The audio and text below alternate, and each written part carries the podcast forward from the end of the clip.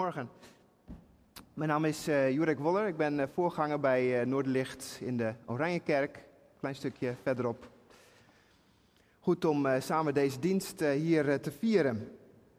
En nou weten jullie het waarschijnlijk nog niet, maar dit jaar, najaar begint er hier in Noorderlicht, Blijdorp, een, een nieuwe serie over de kleine profeten. Laten we zeggen de wat minder bekende profeten, die, die wat kortere Bijbelboeken hebben. Profeten, je zou kunnen zeggen mensen die namens God een vaak wat ongemakkelijke boodschap te vertellen hebben. Nou, wij in de, in de Oranjekerk waren er alvast mee uh, begonnen en vandaar uh, ook hier voor jullie alvast de eerste aflevering van die serie daarvan. En uh, vandaag staan we stil bij denk ik een van de meest onbekende Bijbelboeken die er zijn. Het is een boek dat maar bestaat uit één hoofdstuk, dat we vandaag helemaal gaan lezen. Dus we gaan een heel Bijbelboek lezen. En uh, nou ja, het is het boek van Obadja, dat werd net al genoemd. Mocht je er nog nooit van gehoord hebben, dan uh, denk ik dat je niet uh, de enige bent. Dus geen zorgen. En voordat we het gaan lezen, uh, eerst een beetje context. Het, het, boek speelt zich waarschijnlijk af in de nasleep van de verovering van Jeruzalem en, en omstreken door het Babylonische Rijk, de grote wereldmacht op dat moment. En vervolgens lezen we dat uh, de Israëlieten uh, worden weggevoerd naar Babel. Nou, in, in dat hele gebeuren speelt het uh, buurland Edom ook een rol. En, en niet zo'n goede. En daar richt Obadja zich op. Nou, Edom dat ligt in het hedendaagse Jordanië. En dat ken je misschien wel van dit beeld. Komt hij als het goed is? Ja. Wie weet waar dit is? Iemand? Ja? Petra, precies, Petra. Nou, voor de mensen die een beetje Grieks kennen, Petra, Petrus betekent rots. En dat zie je hier ook. Het is enorm rotsachtig. En dat is handig als je jezelf wil verdedigen. Dus Edom is een enorm rotsachtig land. Nou, tot slot dan nog dit over eh, Edom. De, de stamvader van de Israëlieten is Jacob. En de stamvader van de Edomieten is Esau. Dat waren broers. Nou, die broers die hadden, zag gezegd, niet zo'n goede band met elkaar. Nou, tot zover eh, de achtergrond. Dan gaan we nu het hele boek van Obadja lezen.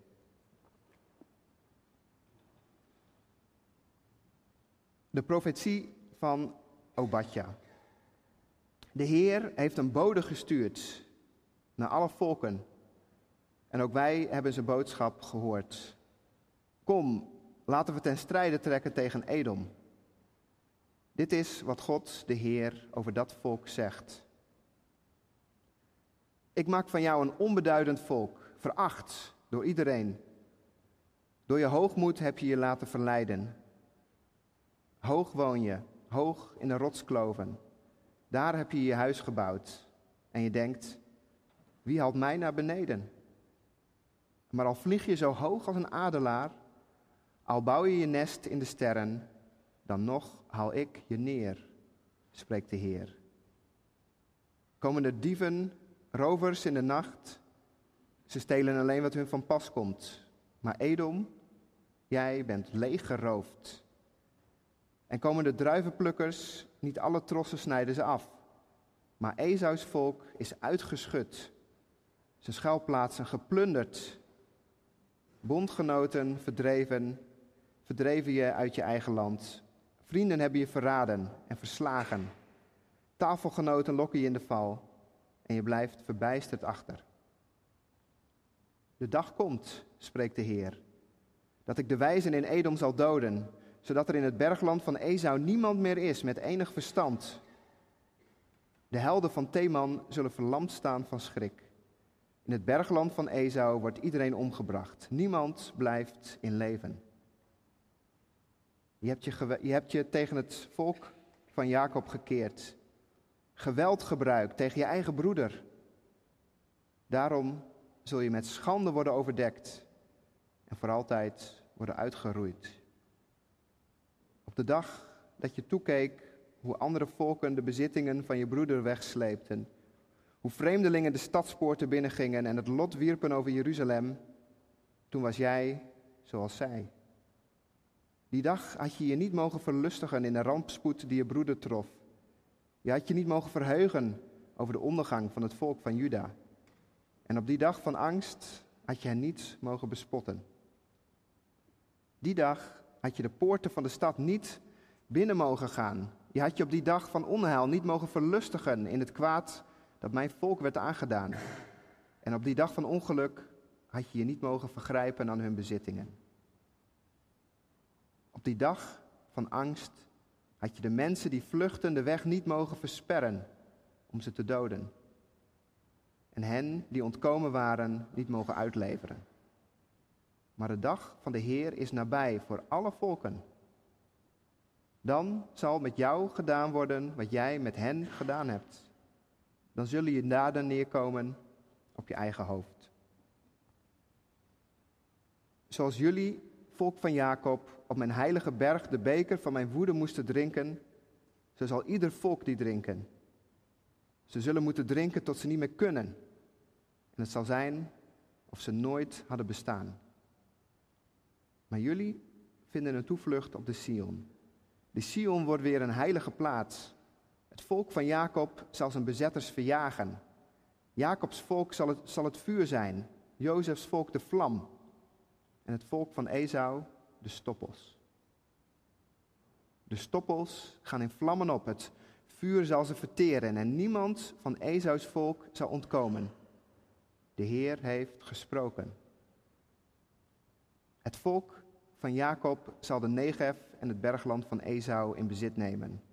Het heuvelland en het gebied van de Filistijnen. En ook de gebieden van Ephraim en Samaria en Benjamin en Gilead. De ballingen uit Israël, een legermacht geworden, zullen het land van de Canaanieten veroveren tot aan Serafat.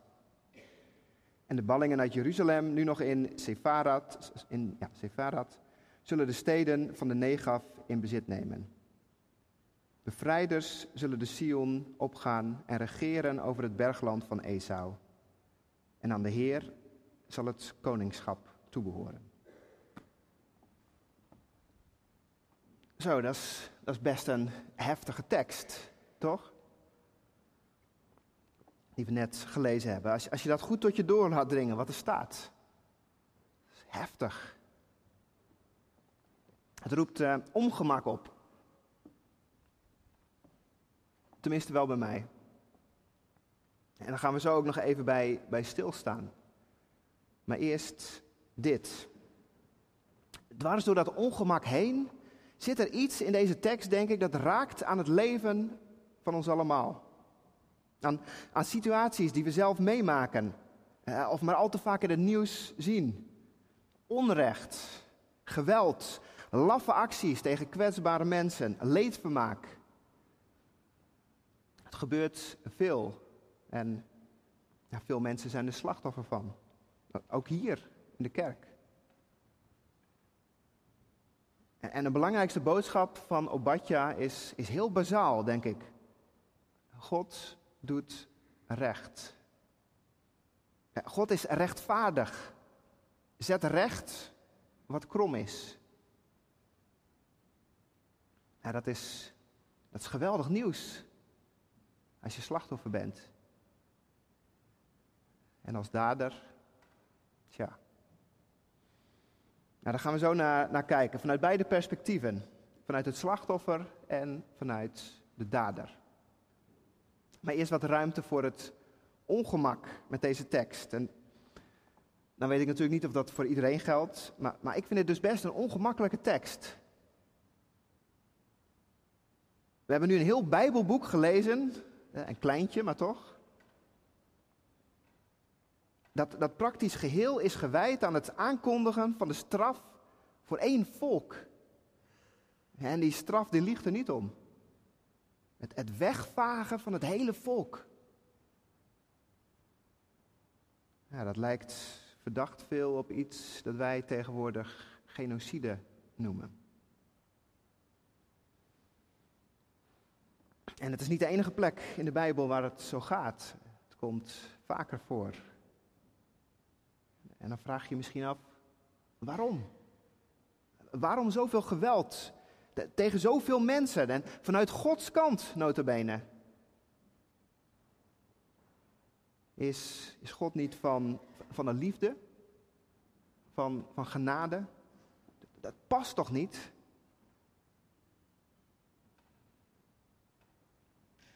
Ja, dat is, is ongemakkelijk, zacht uitgedrukt. En nou valt er wel het nodige relativerends eh, te zeggen. Maar, maar, ik denk eerlijk gezegd dat een deel van het ongemak blijft. De, de Bijbel is een, prachtig boek. Het is Gods boek. Het, het, is het mooiste boek wat mij betreft. Eh, en tegelijk ook een vreemd boek. Nou, dat is ook goed, denk ik, om je te realiseren. Maar toch, nu wat relativerende opmerkingen. Vier, om precies te zijn. Allereerst, de, de cultuur en de leefomstandigheden waren echt heel anders dan hoe wij hier en nu leven. Veel, veel gemeenschappelijker, waarin, waarin een familie ook echt als een eenheid werd gezien. En, en een volk zelfs als een eenheid. En dat je als geheel kunt zien. En we leven nu natuurlijk in een extreem individualistische tijd. In ieder geval in Nederland. Maar dat was toen echt heel anders. Als tweede dan. Het was ook een tijd met veel meer geweld. Alomtegenwoordig geweld. Terwijl wij misschien wel in de meest geweldloze tijd en, en plek van, van de hele geschiedenis leven. En daarmee zijn we dus ook gevoeliger geworden voor geweld. Als derde dan, de profeet, de rol van de profeet. Een profeet spreekt namens God. Het is geen waarzegger, het is een boodschapper. En het feit dat hij aankondigt dat iets gaat gebeuren, betekent nog niet dat het ook gaat gebeuren. Precies de manier zoals hij dat, dat aankondigt. Dat, dat klinkt misschien gek, maar dat is tegenwoordig ook nog steeds zo, volgens mij. In veel communicatie. En soms is een aankondiging eerder een waarschuwing. Ik had het laatst nog met mijn zoontje op, op schoot. En die viel er bijna af. En ik zei, je gaat vallen. Nou, hij viel niet, gelukkig. Als vierde dan. Als we naar deze specifieke profetie van Obadja kijken, dan, dan lijkt het er ook op dat wat er wordt aangekondigd niet, niet is gebeurd. Tenminste, Israël heeft Edom nooit uitgeroeid. Het land is uiteindelijk wel veroverd, een jaar of honderd later, door de Nabateërs, die ook zijn begonnen met die stad Petra te maken zo, maar, maar dus niet door Israël. Nou, betekent dat nou gewoon dat Obadja ongelijk had? Of dat we zijn profetie dan maar gewoon aan de kant kunnen schuiven? Nee, dat is dan ook weer zonde, denk ik, want er zit veel in. Hè, zoals we nog zullen zien, misschien is de, is de profetie ook wel vervuld, maar, maar dan net anders. Nou, dit als, als brug tussen die toch wel wat moeilijke tekst en onze eigen situatie. En, en hopelijk helpt het jou wat om, om open te staan voor wat deze tekst te zeggen heeft vandaag. En dat doen we dus vanuit twee perspectieven: vanuit het slachtoffer en vanuit de dader. En als eerste het slachtofferperspectief. En dat is ook denk ik voor wie de tekst in eerste instantie bedoeld was. Ja, Obadja die, die spreekt tegen het volk Israël, of, of, of wat er dan nog van over is. Want die hadden klap na klap gekregen.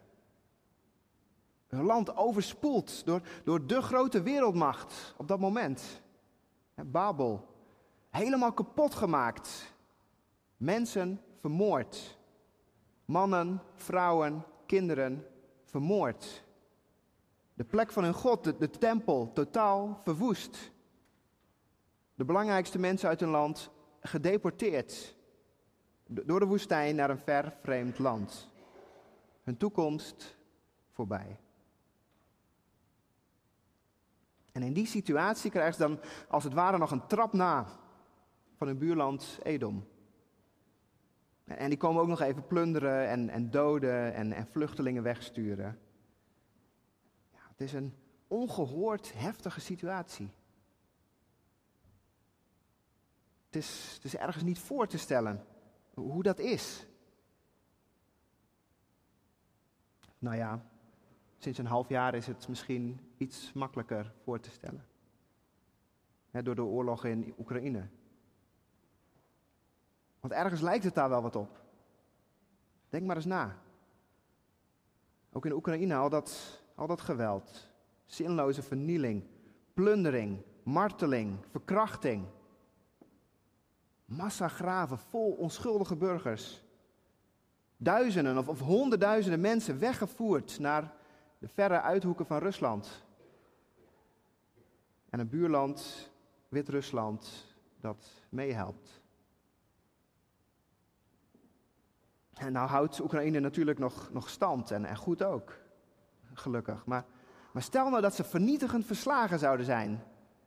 Dat ze geen westerse wapensystemen zouden hebben. Verslagen. Wat, wat zouden de mensen in Oekraïne dan nu bidden? Waar zouden ze op hopen? Van God. Ja, ik denk dat het antwoord verrassend dichtbij Obadja komt.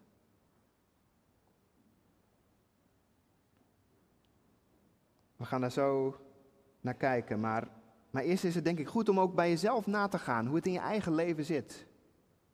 Of jij ook een situatie hebt gehad in je leven, of, of iets structureels, dat, dat jou echt schade heeft gedaan. Door één of meerdere mensen of, of instanties. Of in, in termen van vandaag. Wie of wat is jouw Edom? Wie heeft jou kwaad gedaan?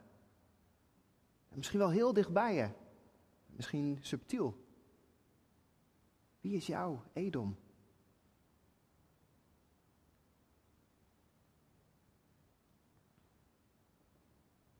Ja, mocht ook jij slachtoffer zijn, dan, dan zit er in Obadja ook voor jou een goede boodschap. Want er zitten beloftes in. Drie beloftes die allemaal te maken hebben met God, met, met de rechtvaardigheid van God. Want ja, God is liefdevol en God is genadig, natuurlijk.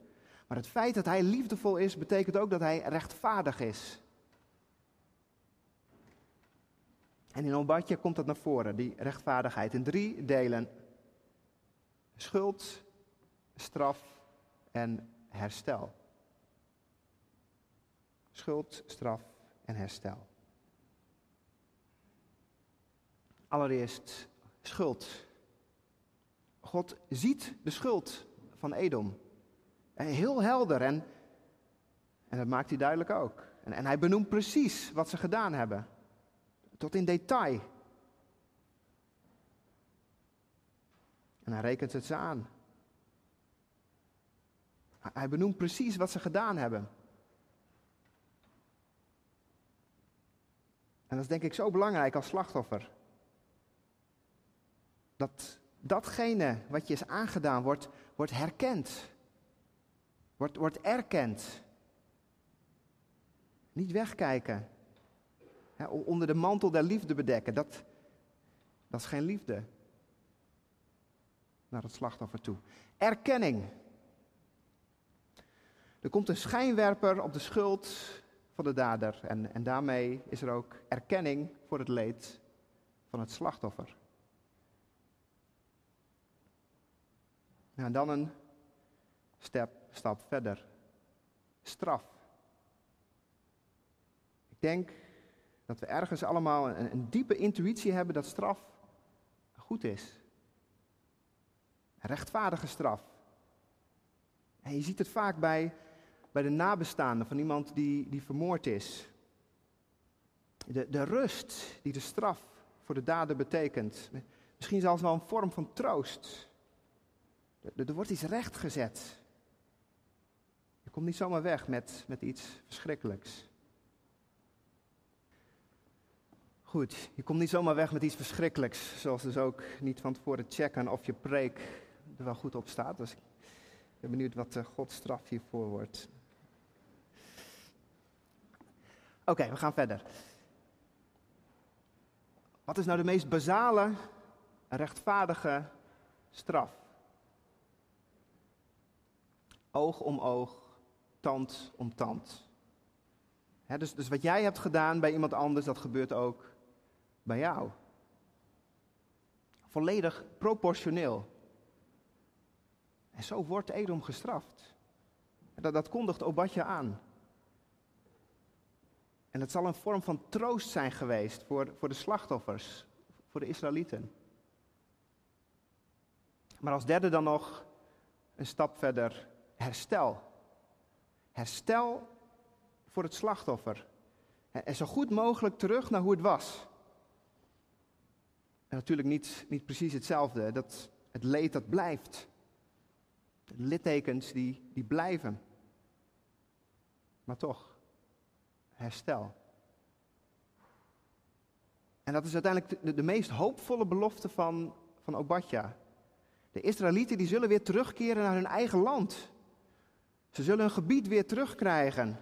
Hun kracht en, en bovenal hun God in hun midden. God belooft Israël volledig herstel. God belooft herstel en op de een of andere manier zal het gebeuren. En ik denk dat die belofte geldt voor, voor ieder slachtoffer. Ook voor jou. God verlangt naar herstel en, en op de een of andere manier gaat het gebeuren. En misschien niet op de manier hoe je het zou verwachten, maar het gaat gebeuren. Schuld, straf en herstel. Dat, is de boodschap van Obadja. En dat is goed nieuws. Als je slachtoffer bent. Maar wat als je dader bent? Wat, wat als jij zelf Edom bent? Ik zei net dat ik, dat ik denk dat veel van ons ergens wel, wel slachtoffer zijn. De een natuurlijk meer dan, dan de ander. En andersom ben ik bang dat, dat veel van ons ook ergens wel dader zijn. Of misschien wij allemaal wel. En zo kun je jezelf nog een keer die vraag stellen, maar dan andersom. Voor wie of voor wat ben jij Edom?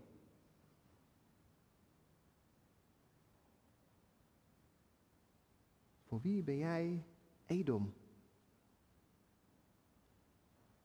Misschien heb je wel gelijk iets scherps voor ogen. Dan ben je ergens een keer overduidelijk de fouten ingegaan in je leven. Maar misschien ook niet. En ik heb het gevoel dat, dat we een wat dubbele houding hebben naar, naar schuld.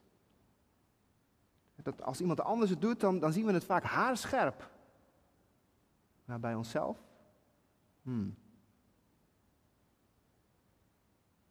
Nou, dan valt het allemaal wel mee, toch?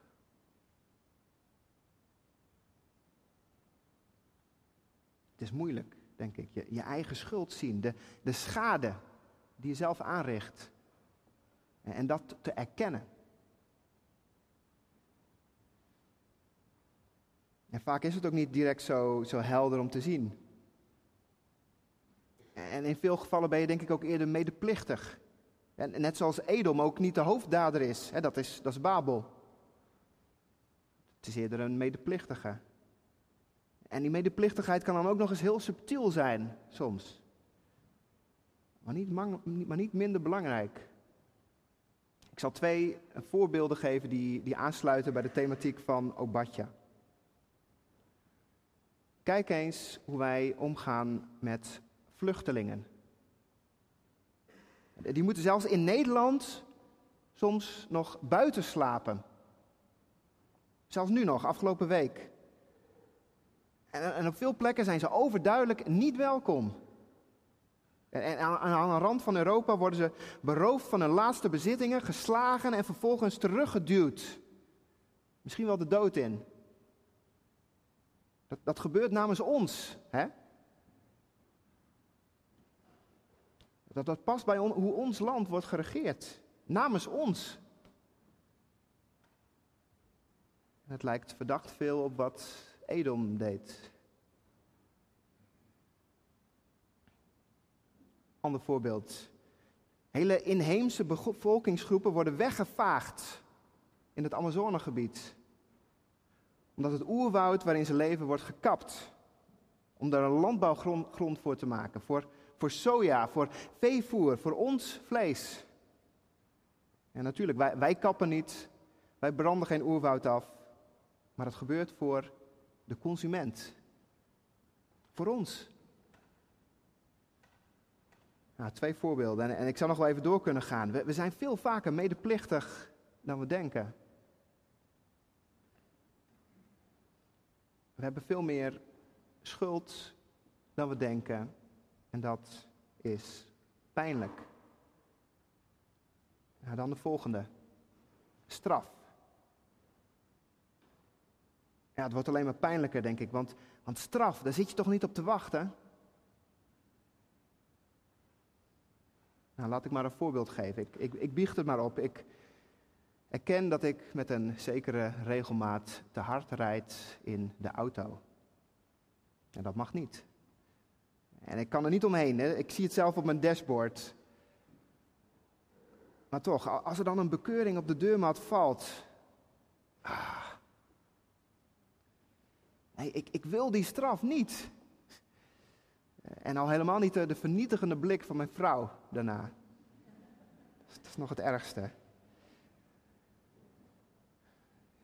Terwijl bij een ander, ja joh, prima toch? En een boete voor te hard rijden, dat, dat is rechtvaardig. Vanuit het perspectief van de dader is de boodschap van Obadja heel slecht nieuws. Want alles wat je verkeerd doet, al je schuld, dat, dat ziet God. En dan laat het je weten ook. En, en hij kondigt een passende straf af. En die belofte van herstel, ja, die, die is voor het slachtoffer. Pech voor de dader. Nou, ik, ik zou hier kunnen stoppen. Want hiermee hebben we eigenlijk heel Obadja wel behandeld, toch? Alle daders, Edom, maar ook nog allemaal andere volkeren, die, die krijgen de straf die ze verdienen. Er is herstel voor het slachtoffer, Israël. That's it. Nou, als we hier zouden stoppen, dan, dan zou het wel wat ongemakkelijk zijn. Want wij zijn dus ergens allemaal ook dader. Al zien we dat liever niet. Nou, gelukkig is er dan nog, nog een halve zin die hoop biedt. Je zou het zo over het hoofd zien. Er staat dat, dat alle volkeren moeten drinken van de beker van Gods woede. Maar daarvoor staat dit. Zoals jullie, volk Jacob, die beker van mijn woede moesten drinken, zo zal ieder volk die drinken. Israël was dus niet alleen maar slachtoffer, Israël was ook dader. Israël had zelf ook allemaal schuld op zich geladen. Er zijn hele Bijbelboeken over te lezen. En, en de vernietiging van, van Jeruzalem en, en de ballingschap in Babel, dat, dat was ook een straf. Dus, dus eigenlijk was Israël tegelijk dader die gestraft werd en slachtoffer. Dat, dat is complex en daar is veel over te zeggen, denk ik. Maar, maar voor nu het belangrijkste. Blijkbaar biedt God wel herstel voor de dader. In ieder geval voor Israël. En, want dat vindt weer een, een veilige plek. Een plek van toevlucht op de berg Sion, Jeruzalem. Het wordt zelfs weer een heilige plaats. God is weer in hun midden. Herstel voor de dader.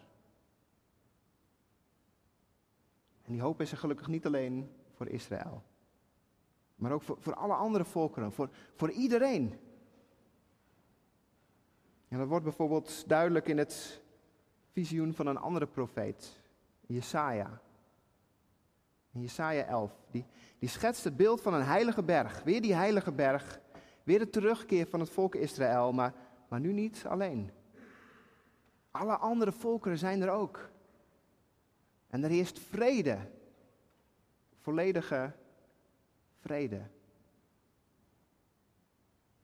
Ik citeer. Niemand doet kwaad. Niemand sticht onheil. Op heel mijn heilige berg. Want kennis van de Heer vervult de aarde, zoals het water de bodem van de zee bedekt. En, en, te midden van het alles is een persoon die centraal staat. De, de telg van Isaïe wordt hij genoemd. Een volmaakt rechtvaardig persoon die, die vrede brengt en gerechtigheid. Het is de Messias. De, Messias van Israël. Jezus, de Messias. Die, vrede brengt en gerechtigheid voor alle volkeren. De, de belofte van herstel voor iedereen. Ook voor jou. Als je verder leest in de Bijbel dan, dan wordt duidelijk wat het hem heeft gekost. Jezus had geen schuld, maar hij werd wel gestraft. En hij zei nog, Vader, als het mogelijk is, laat deze beker dan aan mij voorbij gaan. Maar dat gebeurde niet. En zo droeg hij de straf, alle straf, aan het kruis.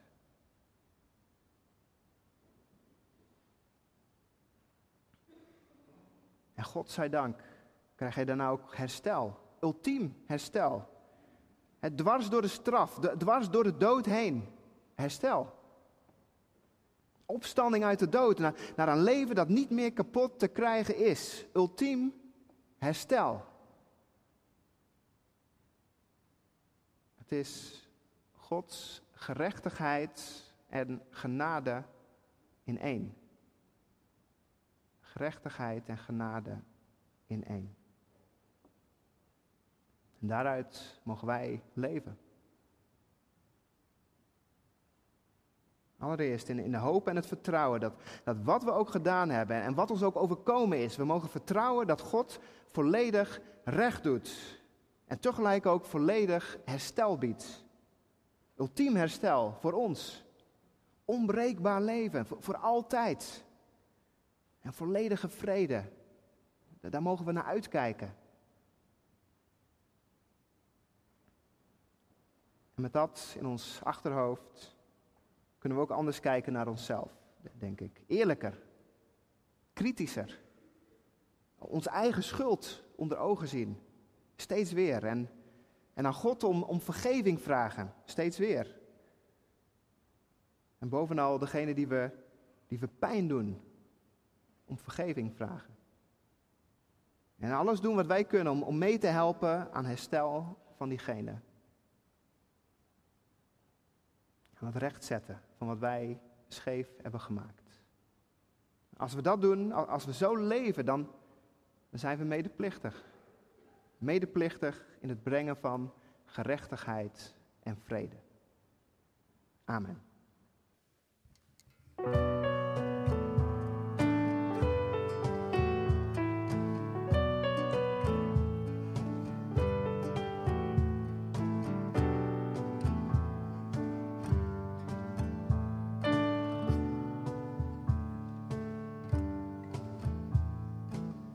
God ziet hoe overal op onze aarde de liefde wordt verzuurd.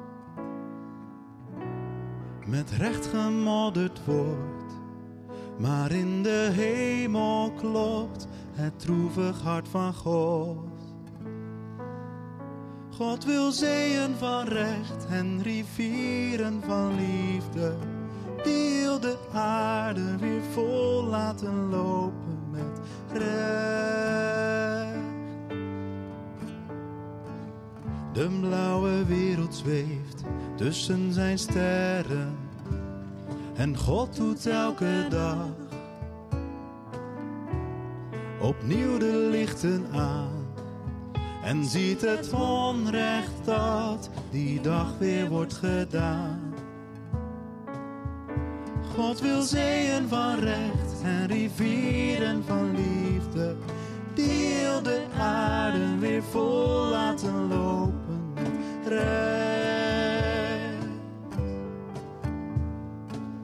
En God hoort het gezang, hij hoort alle gebeden. Hij kan geen onrecht zien van mensen hier beneden.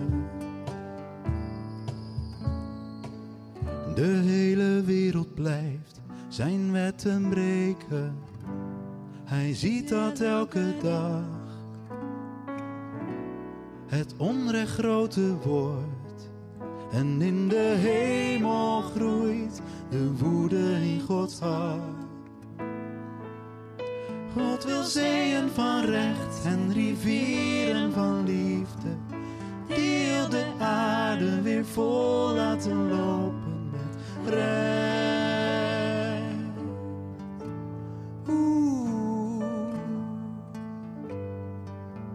God wil zeeën van recht en rivieren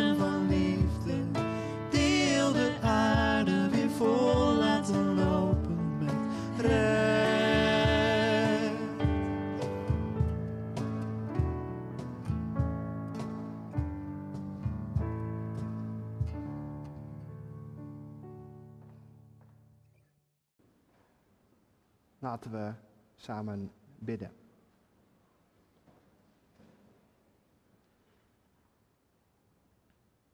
Hemelse Vader, trouwe God, dank u wel. Dank u wel dat u een, rechtvaardige God bent. Dat u, dat u recht doet. Dat u tegelijk hoop biedt op herstel. Vader, dank u wel voor uw Zoon, Jezus Christus, die, die zo heeft geleden. Om ons ook perspectief te geven op herstel. Op hoop aan de andere kant van, van straf, van dood. Vergeeft u ons voor, voor al die momenten dat we bewust of onbewust andere pijn hebben gedaan dicht om ons heen, misschien ver weg, misschien via allemaal ingewikkelde systemen waar we ook geen zicht op hebben. En helpt u ons om, om zelf ook recht te doen, om mee te werken aan herstel van anderen, om het goede te doen en om, simpelweg vergeving te vragen aan u en, en de mensen om ons heen.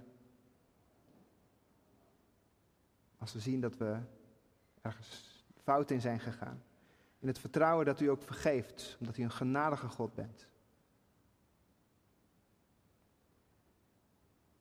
Vader, zo zijn er zoveel situaties in deze wereld die, die schreeuwen om, om recht.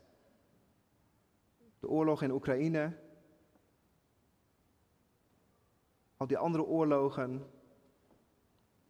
in Ethiopië, Jemen, zoveel andere plekken. Maar zoveel mensen onschuldig slachtoffer worden. Zo denken we aan hele kwetsbare volken die, die lijden onder het verdwijnen van hun leefgebied, zoals in de Amazone, van extreme gevolgen van, van klimaatverandering, zoals in Pakistan, noem maar op. Doet u ze recht. Zo bidden we ook voor deze stad, Rotterdam, waar, waar zoveel kinderen opgroeien in onveilige situaties, in gevaarlijke situaties. Zoveel mensen ook slachtoffer zijn van geweld. Beschermt u ze, doet u recht en geeft u uw vrede in onze stad, ons land, in onze wereld in onze gemeente Noorderlicht. Wilt u dit een plek maken waar, uh, waar uw recht geldt en waar tegelijk vergeving is? Een ruimte om, je pijn te laten zien. Ruimte om op te biechten wat, wat je verkeerd hebt gedaan.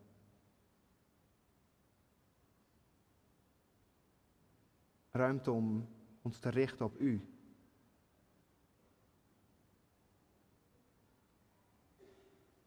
Vader, zo zijn er ook dingen die niemand anders voor ons kan zeggen. Misschien iets om naar u op te biechten of om vergeving te vragen of, of juist om voor te danken of een naam om te noemen. Dat brengen we nu bij u in stilte.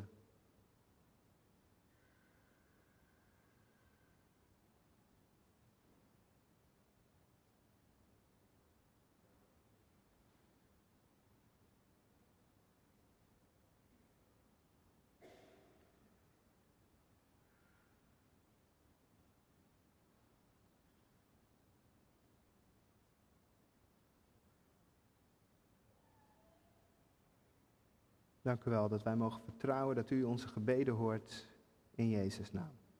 Amen.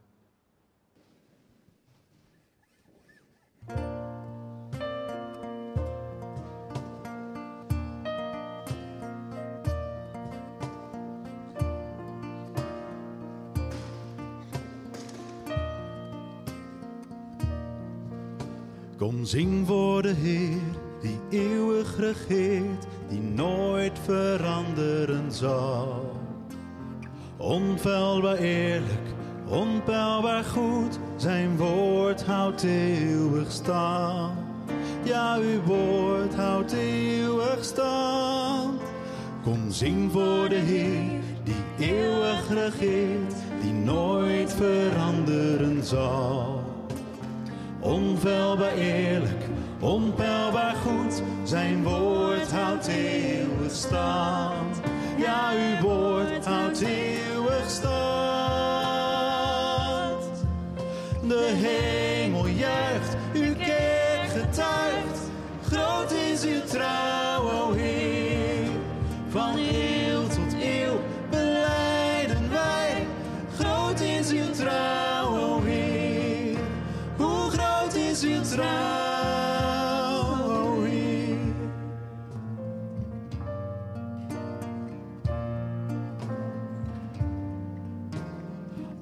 Alles verandert, maar u blijft gelijk. Uw koninkrijk kent geen eind.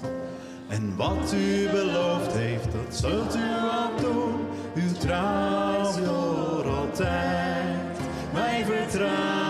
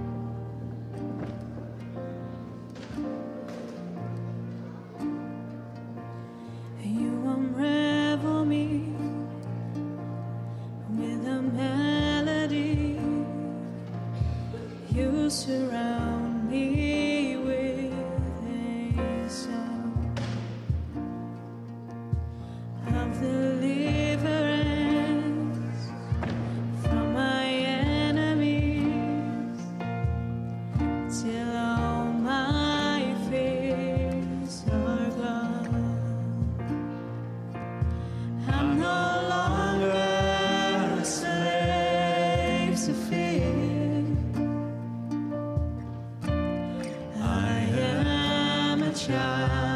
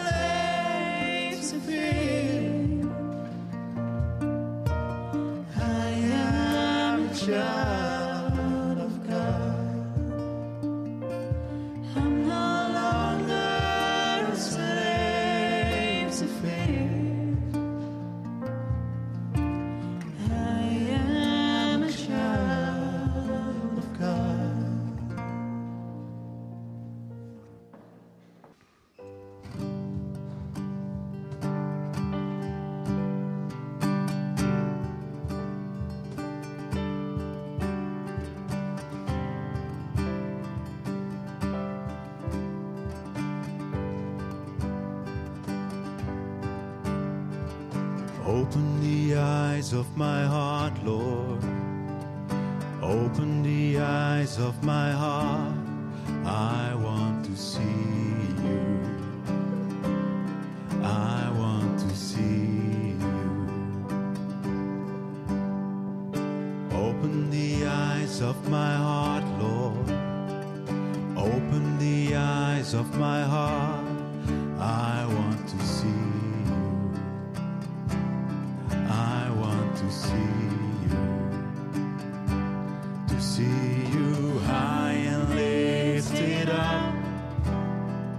shining in the light of your glory. Pour out your power and love as we sing, Holy, Holy, Holy. Open the eyes of my heart, Lord. Open the eyes of my heart. See you.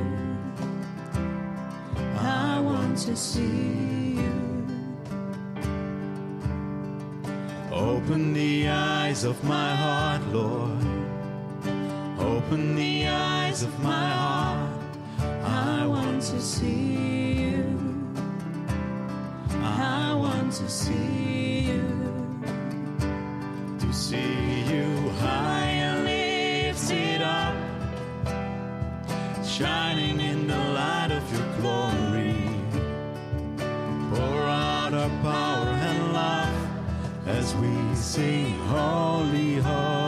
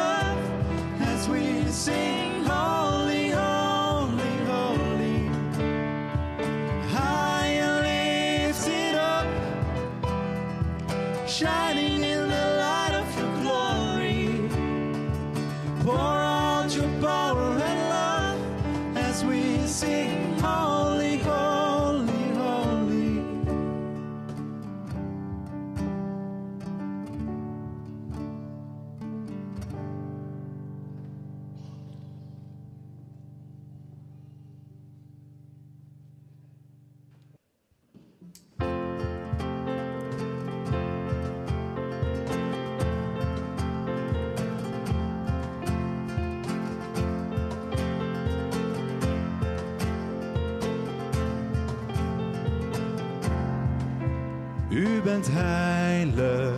U bent heilig.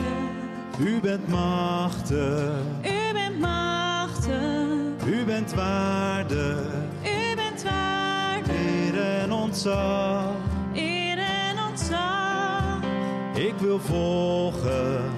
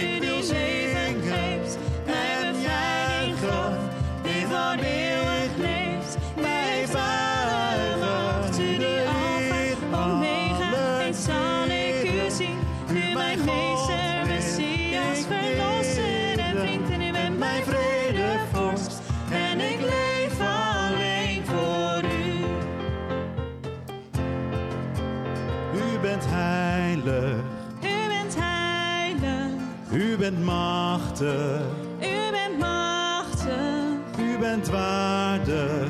U bent waardig. Heer en ontzag. Heer en ontzag. Ik wil volgen.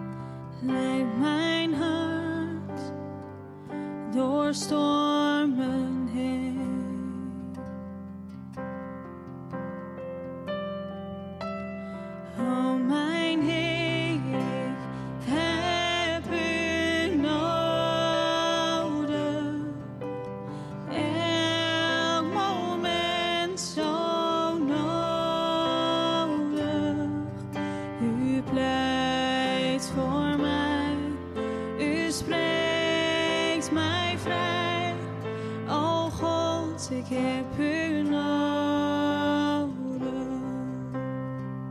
Mein Schritt